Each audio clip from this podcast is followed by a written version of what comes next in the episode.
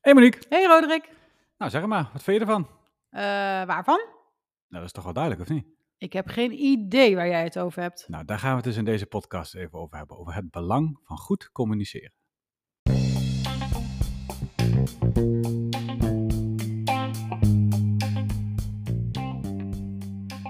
Welkom bij de podcast Gedrag van alle dag van Behavior Boost. We nemen je mee naar alledaagse voorbeelden van onbewust gedrag hoe het ontstaat en hoe je het ook bij jou op de werkvloer kunt herkennen en beïnvloeden.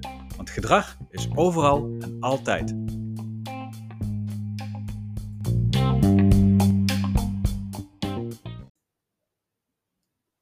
Ja, dat onderwerp van goede communicatie, of misschien wel communicatie in het algemeen. En hoe kwam dat nou zo in ons op?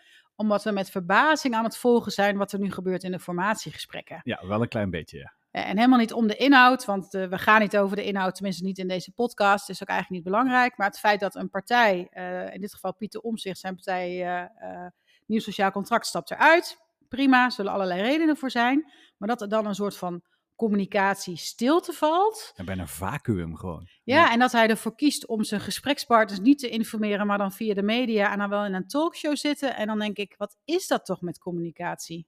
Waarom gaat het daar nou zo vaak mis? Ja, ik, uh, ik, ik, uh, nou, ik deel die, uh, die verbazing wel die, je die je hebt. ik heb er eigenlijk ook helemaal niet zo goed antwoord op. Ik begrijp het namelijk echt gewoon oprecht niet. De vraag, wat is nou zo moeilijk om even te communiceren? Ik begrijp het gewoon niet. Nee, en, blij... En dan hoor je, oh, zo, ja, dan gaan we lekker door elkaar heen praten, altijd leuk. Maar dan hoor je natuurlijk van alles en nog wat. Maar dat is allemaal via het via-via verkeer. En dan creëer je dan een beeld bij. En ik merk dan bij mezelf dat ik dan ook een beeld aan het creëren ben over de beste man. Waarbij ik me dan ook weer tegelijkertijd weer even afvraag, ja, hoe realistisch is dat dan nou weer?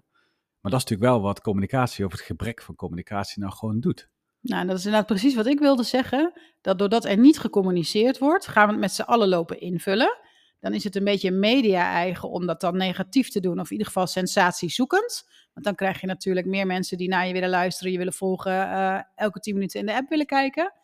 En dan denk ik, wat, wat maakt het nou zo lastig om gewoon te communiceren hierover. En nu krijgen we allerlei, misschien broodje aap-verhalen, misschien echte verhalen, dat meneer Omzicht oververmoeid is. Dan denk dat de financiën niet goed zijn. Ook. Kan. Uh, en ik denk dan bij oververmoeidheid, oh, ik heb ooit eens iets gelezen dat hij een burn-out heeft gehad. Was ook moeilijk te missen, maar dan toch. Zou hij dan weer van de wagen zijn gevallen? En dan bedenk ik me, terwijl ik dat in mezelf denk, ik ben dus zijn gedrag aan het invullen, omdat niemand, in dit geval hij, duidelijkheid geeft over wat er echt aan de hand is. Dus er is inderdaad een communicatievacuum. En wat doen we dan? Dan gaan we het invullen. Ja. Nou, en de verhalen in je hoofd worden alleen maar grote, spannende, sensationele en weet ik het wat allemaal. Dus voor de beeldvorming is het helemaal volgens mij niet wat je wil. Nee, dat vind ik eigenlijk wel, dat, dat vind ik nou wel het interessante. Als we dan terug gaan trekken naar uh, het onderwerp ook van deze podcast, gewoon het gedrag. Ik vind met dit soort voorbeelden zie je gewoon waarom dat men ook wel eens zegt, gewoon dat communicatie is gewoon de smeerolie van de goede samenwerking. En dat heeft er alles mee te maken dat als de communicatie dus gewoon niet goed is, dan gebeurt er van alles en nog wat. En we hebben het natuurlijk in, in deze podcast ook wel eens vaker over, uh, over gehad. Uh, maar mensen die, die kijken naar de wereld helemaal niet vanuit allerlei rationaliteiten, maar vooral heel erg irrationeel. En daar zie je dat communicatie dan dus ook een grote rol speelt als het gaat om het, het, het, het nou, we nemen dingen waar, we zien allemaal dingen, maar we zien niet de dingen die er echt zijn. Want een hele hoop van alles wat we waarnemen wordt gewoon gefilterd. En daar zit natuurlijk het gevaar in. En dat is waarom dat communicatie zo belangrijk is. Als je dus niet communiceert, dan vullen we het zelf in. En dat is precies wat je net ook al aangaf. We vullen het zelf in. En dat wordt onze nieuwe waarheid. Nou ja, en sterker nog, als, we, als ik denk ik terugkijk op alle trajecten die ik nu of in coaching of in teamontwikkeling heb gedaan, draait het stiekem altijd om communicatie. Aan gebrek aan communicatie, aan het verkeerd interpreteren van communicatie, aan, nou ja, gebrek denk ik het, eh, eh, het vaakst inderdaad, maar ook wel het je kunnen verplaatsen in de ander om de communicatie beter te begrijpen. Het is zo'n, nou ja, bijna dooddoener hoe belangrijk communicatie is. Bizar gewoon. Ja, en dat, eh, nou ja, goed, dat, dat zie je dan nu wel weer opnieuw met deze hele discussie. Ik, ik merk wel bij mezelf dat ik denk, nou ja, er zullen ongetwijfeld allemaal hele goede redenen zijn waarom dat de beste man dit doet. Uh, en dat kun je natuurlijk ook wel doortrekken naar nog veel meer andere situaties. Als we er rationeel naar gaan kijken, is bijna alles wel goed verklaarbaar. Uh, alleen we kijken er niet rationeel naar. En ik vind dan zo'n voorbeeld in zo'n politiek spectrum, waarbij de impact natuurlijk heel groot is, omdat de media erop duikt. Uh, het is allemaal volop op de, op de televisie. Het, gaat ook om het maatschappelijk en politieke debat. Het gaat over het land. Dus we hebben er allemaal wel een idee bij en een mening bij. Maar die wordt op deze manier ook gevoed. En in dit geval is dat geen positieve voeding. Nou, en vooral omdat wij als normale burger ook niet in staat zijn om de vraag te stellen. Dus weet nee. je, het ligt ver van je af. En dat doet me wel denken aan een traject wat ik voor een team uh, mocht doen. Waar de leidinggevende heel erg vertrouwde op het uh, zelfsturende van het team aan de ene kant, maar het ook graag heel goed wilde doen. En als iemand bijvoorbeeld hem een vraag stelde, wilde hij graag in één keer het goede antwoord geven. Met als gevolg dat de vraag soms voor de ontvanger leek het alsof hij heel lang bleef liggen, omdat hij niet communiceerde met zijn ja. team wat ja. hij met de vraag deed. En dat hij ook zelf tot het inzicht kwam. Als ik dan Stel, ik, uh, ik stel hem nu een vraag en ik, omdat ik de vraag stel, wil ik natuurlijk een antwoord. Hij kiest ervoor om mij niet te antwoorden totdat hij het volledige antwoord heeft. Dus het kon zomaar zijn dat er twee of drie dagen overheen gingen. Ja. Waarop hij dan heel blij met een volledig antwoord naar die persoon toe ging. En achteraf dan constateerde, maar die persoon was helemaal niet meer bezig met het antwoord. Die was alleen maar bezig met de vraag: waarom heeft hij drie dagen niks tegen me gezegd? Ja. En dat hij zei dat was zo'n immens groot inzicht. Want ik kwam er dus achter dat het, het uitblijven van wat ik deed, dus het daarover communiceren, had dus een grotere impact dan het goed oplossen van de vraag. Dus het gaf hem het inzicht. Dus ik moet eigenlijk die communicatie in stand houden. En ik kan nog beter zeggen: ik zoek het voor je uit. Ik kom er binnen zoveel ja. tijd op terug. Dan dat ik niks zeg. Ja, want je gaat het zelf invullen. Dat is wat we als mensen gewoon doen. We zijn als mensen zijn we constant bezig om de wereld en alles om ons heen een beetje proberen te begrijpen. Uh, alleen, nou, we zijn natuurlijk zodanig uh, gecodeerd uh, bijna dat we dat over van allerlei filters en dat soort dingen allemaal lopen te gooien. En het probleem daarvan is, is dat we vaak ook verbindingen leggen en gevolgtrekkingen doen die helemaal niet kloppen. En als je er dan dus niet goed over communiceert, dan wordt dat niet kloppen toch stiekem als jouw versie van de waarheid.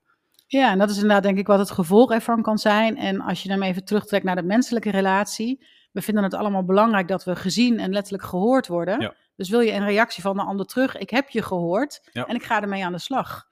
En met name nu wij zelf ondernemer zijn en je dus merkt dat het, het contact wat je zoekt is ook belangrijk. Hoe vaak je dan nog geen reactie terugkrijgt. Ja. Ja, daar ben ik echt verrast over. Ja. Um, want we proberen juist om het niet allemaal commercieel bam bam bam, uh, koop dit uh, in your face. Maar veel weer ook over de relatieas te gooien. En of het nou via een LinkedIn is, of via een e-mail, of via WhatsApp, of zelfs met een belletje. Ik verbaas me er dan gewoon over hoe weinig respons je terugkrijgt. Ja. En dan denk ik, hoeveel moeite is het nou om mij als verstuurder van de vraag of de belangstelling, in ieder geval even van, al was het maar vanuit een stukje courtesy, te laten weten, ik heb het gezien, maar ik doe er nu even niks mee. Of ik kom er later op terug. Of, hé, uh, hey, dankjewel, ik spreek je dan en dan weer. Maar gewoon totale radiostilte. Maar wat, en wat doet dat dan met jou? Wordt nu een half coachingsgesprek zo, maar... Nou ja, wat het met mij doet, is dat je... Je probeert zelf heel zorgvuldig te zijn in het contact. Ja. Uh, en wat het met me doet, is het kan me heel onzeker maken. Van, uh, doe, is dan wat ik doe wel goed? Zit iedereen wel op mij te wachten? Uh, ben ik nu te veel aan het pushen? Dus ik ga het met name negatief invullen. Ja, ja. Dus zodat ik de bevestiging niet krijg, ga ik twijfelen aan mijn eigen oprechtheid en insteek van de communicatie. En dan ga ik me dus een tweede keer wel bedenken, moet ik dit überhaupt nog doen? Maar ik weet ook, als ik de eerste stap in die communicatie niet zet, is er een grote kans dat de ander het ook niet doet. Want we zijn natuurlijk in ons vakgebied niet iedere dag bij iedereen top of mind. Dat hoeft ook helemaal niet. Maar net even gewoon die reactie terug. En ik merk dat ik daar, en daar hadden wij het laatst ook over, dat je dus nu ook scherper wordt zelf om dat wel terug te ja, doen. Ja. Dus ook als uh, wij uit de onverwachte hoek een bericht krijgen en nou ja, daar ligt de commerciële boodschap soms echt heel dik bovenop. Dat je de neiging hebt, oké, okay, delete, niks aan doen. Maar dat je toch bij jezelf denkt, oh nee, ik ga even antwoorden, bedankt hiervoor. Maar ik heb nu geen interesse. Ja, maar dan weet je waar je naartoe bent. Exact. Ja. Ja.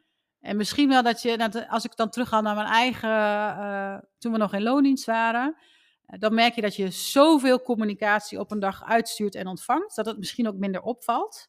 Dus ik geloof ook niet dat de intentie achter dit gedrag negatief is. Nee.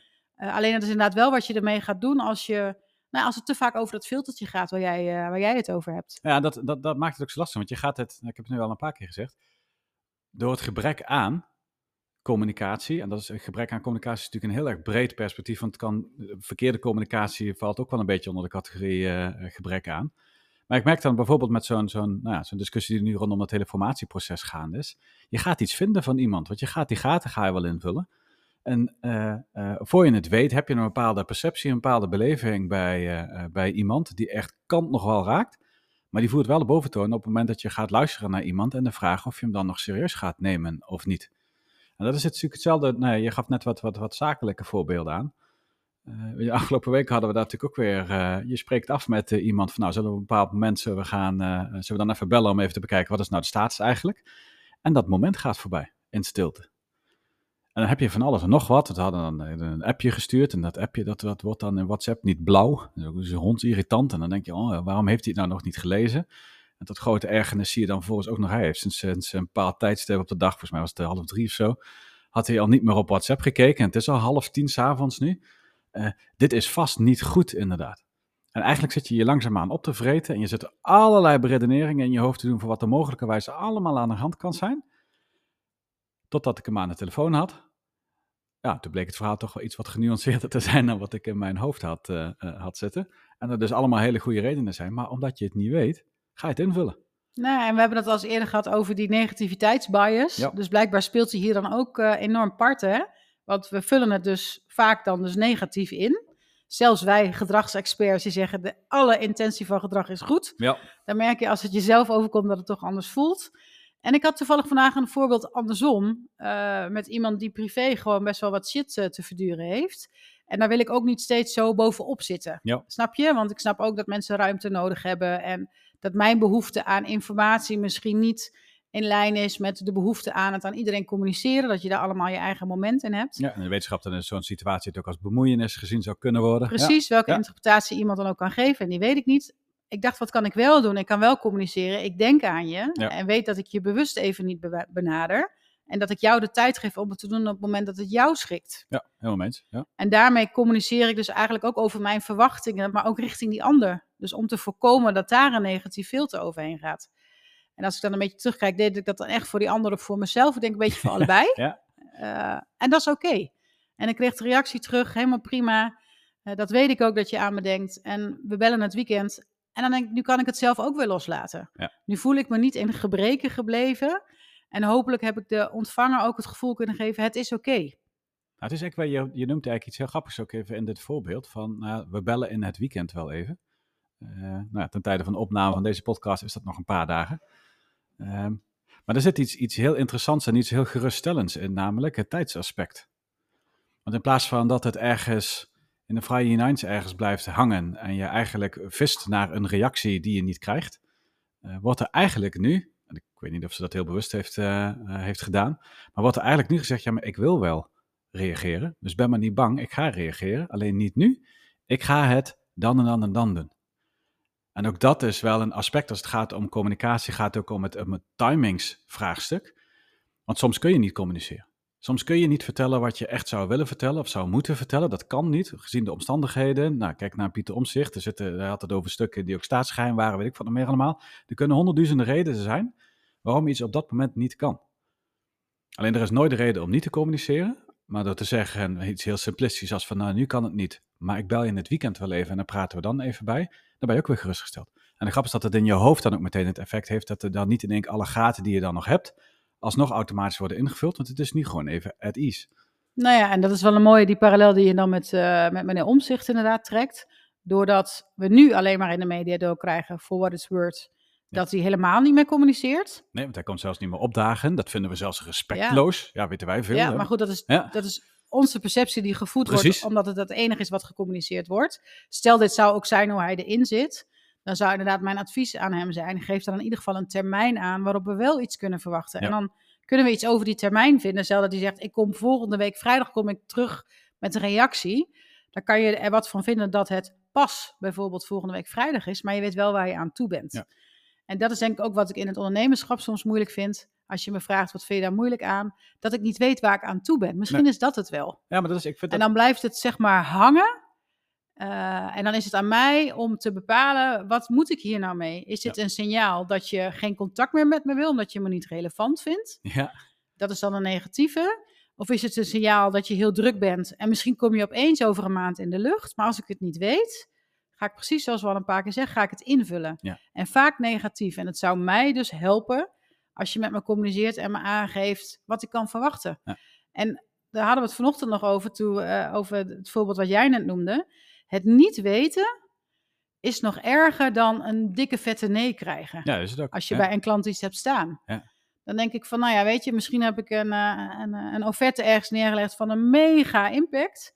En dus het zou mij echt pijn doen als ik hem niet binnentrek. Maar het niet weten en als het ware een soort van het gevoel hebben, ik word aan het lijntje gehouden, Ja. is erger dan het wel weten. Want dan kan ik, nou, get over it, deal with it. Dan Ja, kan ik er wat mee on. doen. Ja, nee, maar heel mensen. Ik, het, is ook, het is ook mooi. Dit is ook, als ik het ook weer relateer ik aan zo'n Pieter Omzicht, maar iets ook wat wij eh, in onze verandertrajecten bij organisaties natuurlijk ook heel veel tegenkomen, is dat mensen vinden er per definitie wel iets van.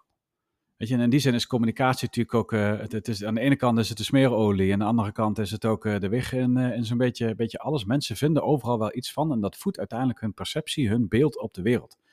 Het probleem alleen bij perceptie is, als dat maar lang genoeg duurt, wordt het verdomde lastig om uiteindelijk die perceptie die iemand voor zichzelf heeft opgebouwd, om die te gaan veranderen op het moment dat het niet klopt. En ik merk bij mezelf dat ik, als, ik, als je het dan hebt over dit soort formatiegesprekken, eh, en iemand stapt er dan uit, nou ja, vanuit ons vakgebied weet ik dat er ongetwijfeld heel veel, eh, voor hem in ieder geval, goede rationele redenen zijn om dit te doen of niet. Alleen ik weet ze niet. Dus ik ontwikkel een beeld bij deze man. En ik merk dat ik daar nu langzaamaan begin te denken van, nou ja, leuk dat hij in die gesprekken zit. Maar is hij eigenlijk überhaupt wel eh, fit for, for duty? En wat gaan we in godsnaam straks krijgen als hij daadwerkelijk in een, een of andere variant van die kabinetten gaat, eh, gaat stappen? Gaat hij dan ook weer lopen dralen op het moment dat we besluiten moeten gaan nemen? En weet ik wat nog meer allemaal. En wat er dan bij mij gebeurt, is dat dat, dat proces over dat beeld, die perceptie die ik begin te krijgen, dat wordt nog wel heel erg lastig om af te breken. En dat is natuurlijk gewoon doodzonde, terwijl hij heel simpel eergisteravond gewoon had kunnen zeggen, jongens, ik stop ermee om deze en deze redenen. In plaats van, ik kom eigenlijk gewoon niet meer opdagen. En ik Ja. communiceer niet. En het is mooi hoe je zegt, eh, ik ben bang dat het mijn perceptie beïnvloedt, maar met de woordkeus van dralen Ja, geeft eigenlijk al geeft al aan. Ja, dat dat het bedoel ik al maar. gebeurd is. Ja, dat bedoel ik maar. Ja. En we hebben het nu steeds over eh, gebrek aan communicatie of te weinig communicatie. Bestaat er ook zoiets als te veel communicatie? Dat je te veel kan communiceren? Ja, ik vind, dat, ik vind dat een hele moeilijke discussie. Ik had deze discussie laatst met een, eh, eh, met een klant ook, waar ik nou ja, zakelijk ook had aangegeven van, joh, je moet echt meer gaan communiceren. En die persoon in kwestie vond van zichzelf dat hij al heel veel communiceerde. Wat een interessante discussie ook al, alleen dat al oplevert als je het hebt over perceptie. Hè? Ja.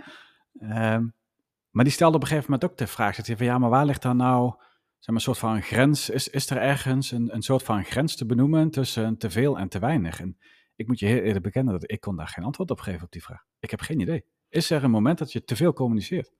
Ik denk als het echt puur over inhoud gaat, denk ik dat je het misschien wel ongelimiteerd kan doen. Dus als het informatief is wat je doet. Voor mijn gevoel als er heel sterk een, eh, een wat meer commerciëlere boodschap achter zit. En die wordt heel vaak herhaald.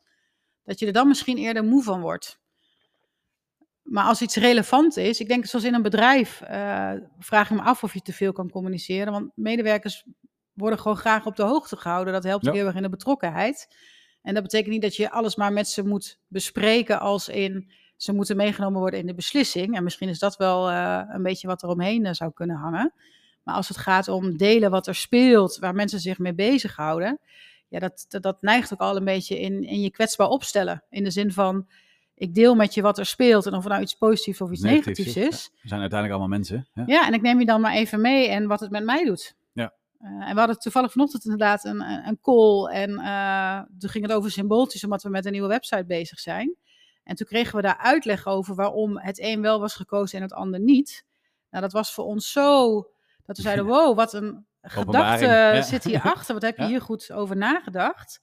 En dat ik volgens mij ook zei van, omdat ik ook niet in je hoofd kan kruipen. Als je me dit niet vertelt, dan denk ik misschien leuk symbooltje, ja of nee. Maar nu je me vertelt wat erachter zit, denk ik, oh, maar dat is gaaf. En dan merk je dat communicatie dus helpt. Niet eens zozeer in dit geval om iets te omarmen, maar met name om er nog blijer van te worden.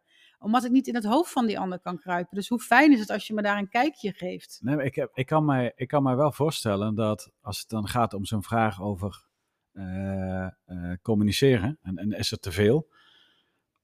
Ik, ik denk dat dat ongelooflijk afhangt van eh, de doelgroep die je tegenover je hebt zitten. Want waarom waren wij daar vanochtend zo van gecharmeerd? Is omdat wij die behoefte hebben. Dus wij hebben die behoefte om datgene wat ze doen en, en, en wat ze maken en wat ze deels voor ons beslissen, uh, om dat ook wel in ieder geval op zijn minst te begrijpen, om het simpele feit dat wij er geen verstand van hebben, van dat soort uh, uh, type marketing en dat soort type verleidingsstukken. Um, en dat komt ook weer voort, omdat we natuurlijk in, het verleden ook wel eens discussies met hem hebben gehad, dat we daar ook hebben gezien dat er voor deze partij een aantal zaken heel vanzelfsprekend zijn, maar voor ons niet. Maar omdat er in de communicatie niet altijd lekker ging, ontstond er een stuk onduidelijkheid in. Dus ik kan me heel goed voorstellen dat als je dan praat over is er een grens aan te veel of te weinig communiceren, dat dat dus met name enorm afhangt van wie is je doelgroep en wat is met name hun behoefte. Ik, ja. niet iedereen heeft evenveel behoefte aan elke keer, maar ook in je organisatie de plannen weer opnieuw te horen. Op een gegeven moment na twee, drie keer. Uh, geloof je het wel en snap je het wel en ken je het wel. Terwijl jouw collega die naast jou staat, die kan er geen genoeg van krijgen. Nee, maar dan geloof ik wel in, naarmate ik hier dan ook mee over nadenk, van geef dan vooral alle informatie, alle communicatie. Want dan kan de ontvanger beslissen wat hij er wel of niet mee doet. En als je de communicatie niet geeft, heb ik de keus niet eens wat ik er wel of niet mee doe. Want ik heb de informatie überhaupt niet, de communicatie überhaupt niet tot mijn beschikking. Nee, nou ja, dan krijg, kom je op een punt uit waar we misschien een keer een andere podcast aan moeten wijden. Maar dan heb je natuurlijk ook over de vorm. Als je het hebt over geef zoveel als mogelijk vormen van communicatie, dan ga ik helemaal met je mee in dat verhaal. Want de ene gaat aan op een video en de andere vindt de presentatie helemaal fantastisch. Als het altijd hetzelfde verhaal is, is dat natuurlijk gewoon prima. Maar elke keer hetzelfde herhalen op dezelfde manier, ja, volgens mij werkt dat dus niet. Daar zit dus daadwerkelijk een limiet aan vast. Ja, maar het gaat dan bij mij ook niet om hetzelfde steeds herhalen, maar dat je communiceert waar je mee bezig bent. En dan vraag ik me af of je kan overcommuniceren. Ja. Ik kan me voorstellen als je iemand aanstuurt die continu de hele dag met je doorneemt, dat je dan op een gegeven moment denkt, nou, hoef ik allemaal niet meer te weten. Ja. ja. maar dan kan je natuurlijk zeggen van, goh, wat fijn dat je dit met me deelt. Uh, de volgende keer kan je je uh, limiteren door me te vertellen wat je deze week gaat doen. Daar heb ik voldoende aan. Ja, precies. En dat je het dan beter kan afschalen, want het is moeilijker, denk ik, om, om te opschalen. Want stel, ik doe het per week en je vraagt me per dag. Dan denk ik dat ik al snel het gevoel krijg van, hey, controleren, micromanagen, vind ook dit, niet zo ook lekker. dit is communicatie, hè? Dus aangeven waar je behoefte aan Precies, hebt. ja. ja. Leuk. Nou, volgens mij kunnen we hier nog heel erg lang over door blijven uh, mijmeren. Uh, maar dat gaan we niet doen. Uh, we gaan hem afsluiten. Ja, waarbij ik wel uh, toch nog even dan als afsluiting richting de luisteraar wil geven. Ga eens experimenteren met meer communiceren dan je normaal zou doen. Gewoon eens om ja. te kijken welk effect, effect heeft dat dan. Ja, goede tip. Ja. Uh, en dan zijn we natuurlijk heel benieuwd wat het effect is. Dus als je ons dat nog wil laten weten, vind ik het helemaal, helemaal tof. Ja, dat, uh, als je dat ons wil laten weten, dat kun je onder deze aflevering doen. Daar zit een optie in om mee te praten met deze aflevering. Daarnaast zouden we het natuurlijk ook ontzettend leuk vinden als je liked, als je je collega's, vrienden, familie op de hoogte brengt van deze mooie podcast. Uh, in de Spotify-app kun je ons ook uh, raten. Vinden we ook ontzettend uh, leuk. En vooral verspreid het zoveel als mogelijk. Helemaal tof. Het was weer een leuke communicatie. Mooi, dank je. Ja, en we blijven vooral communiceren. Tot de volgende keer. Houdoe.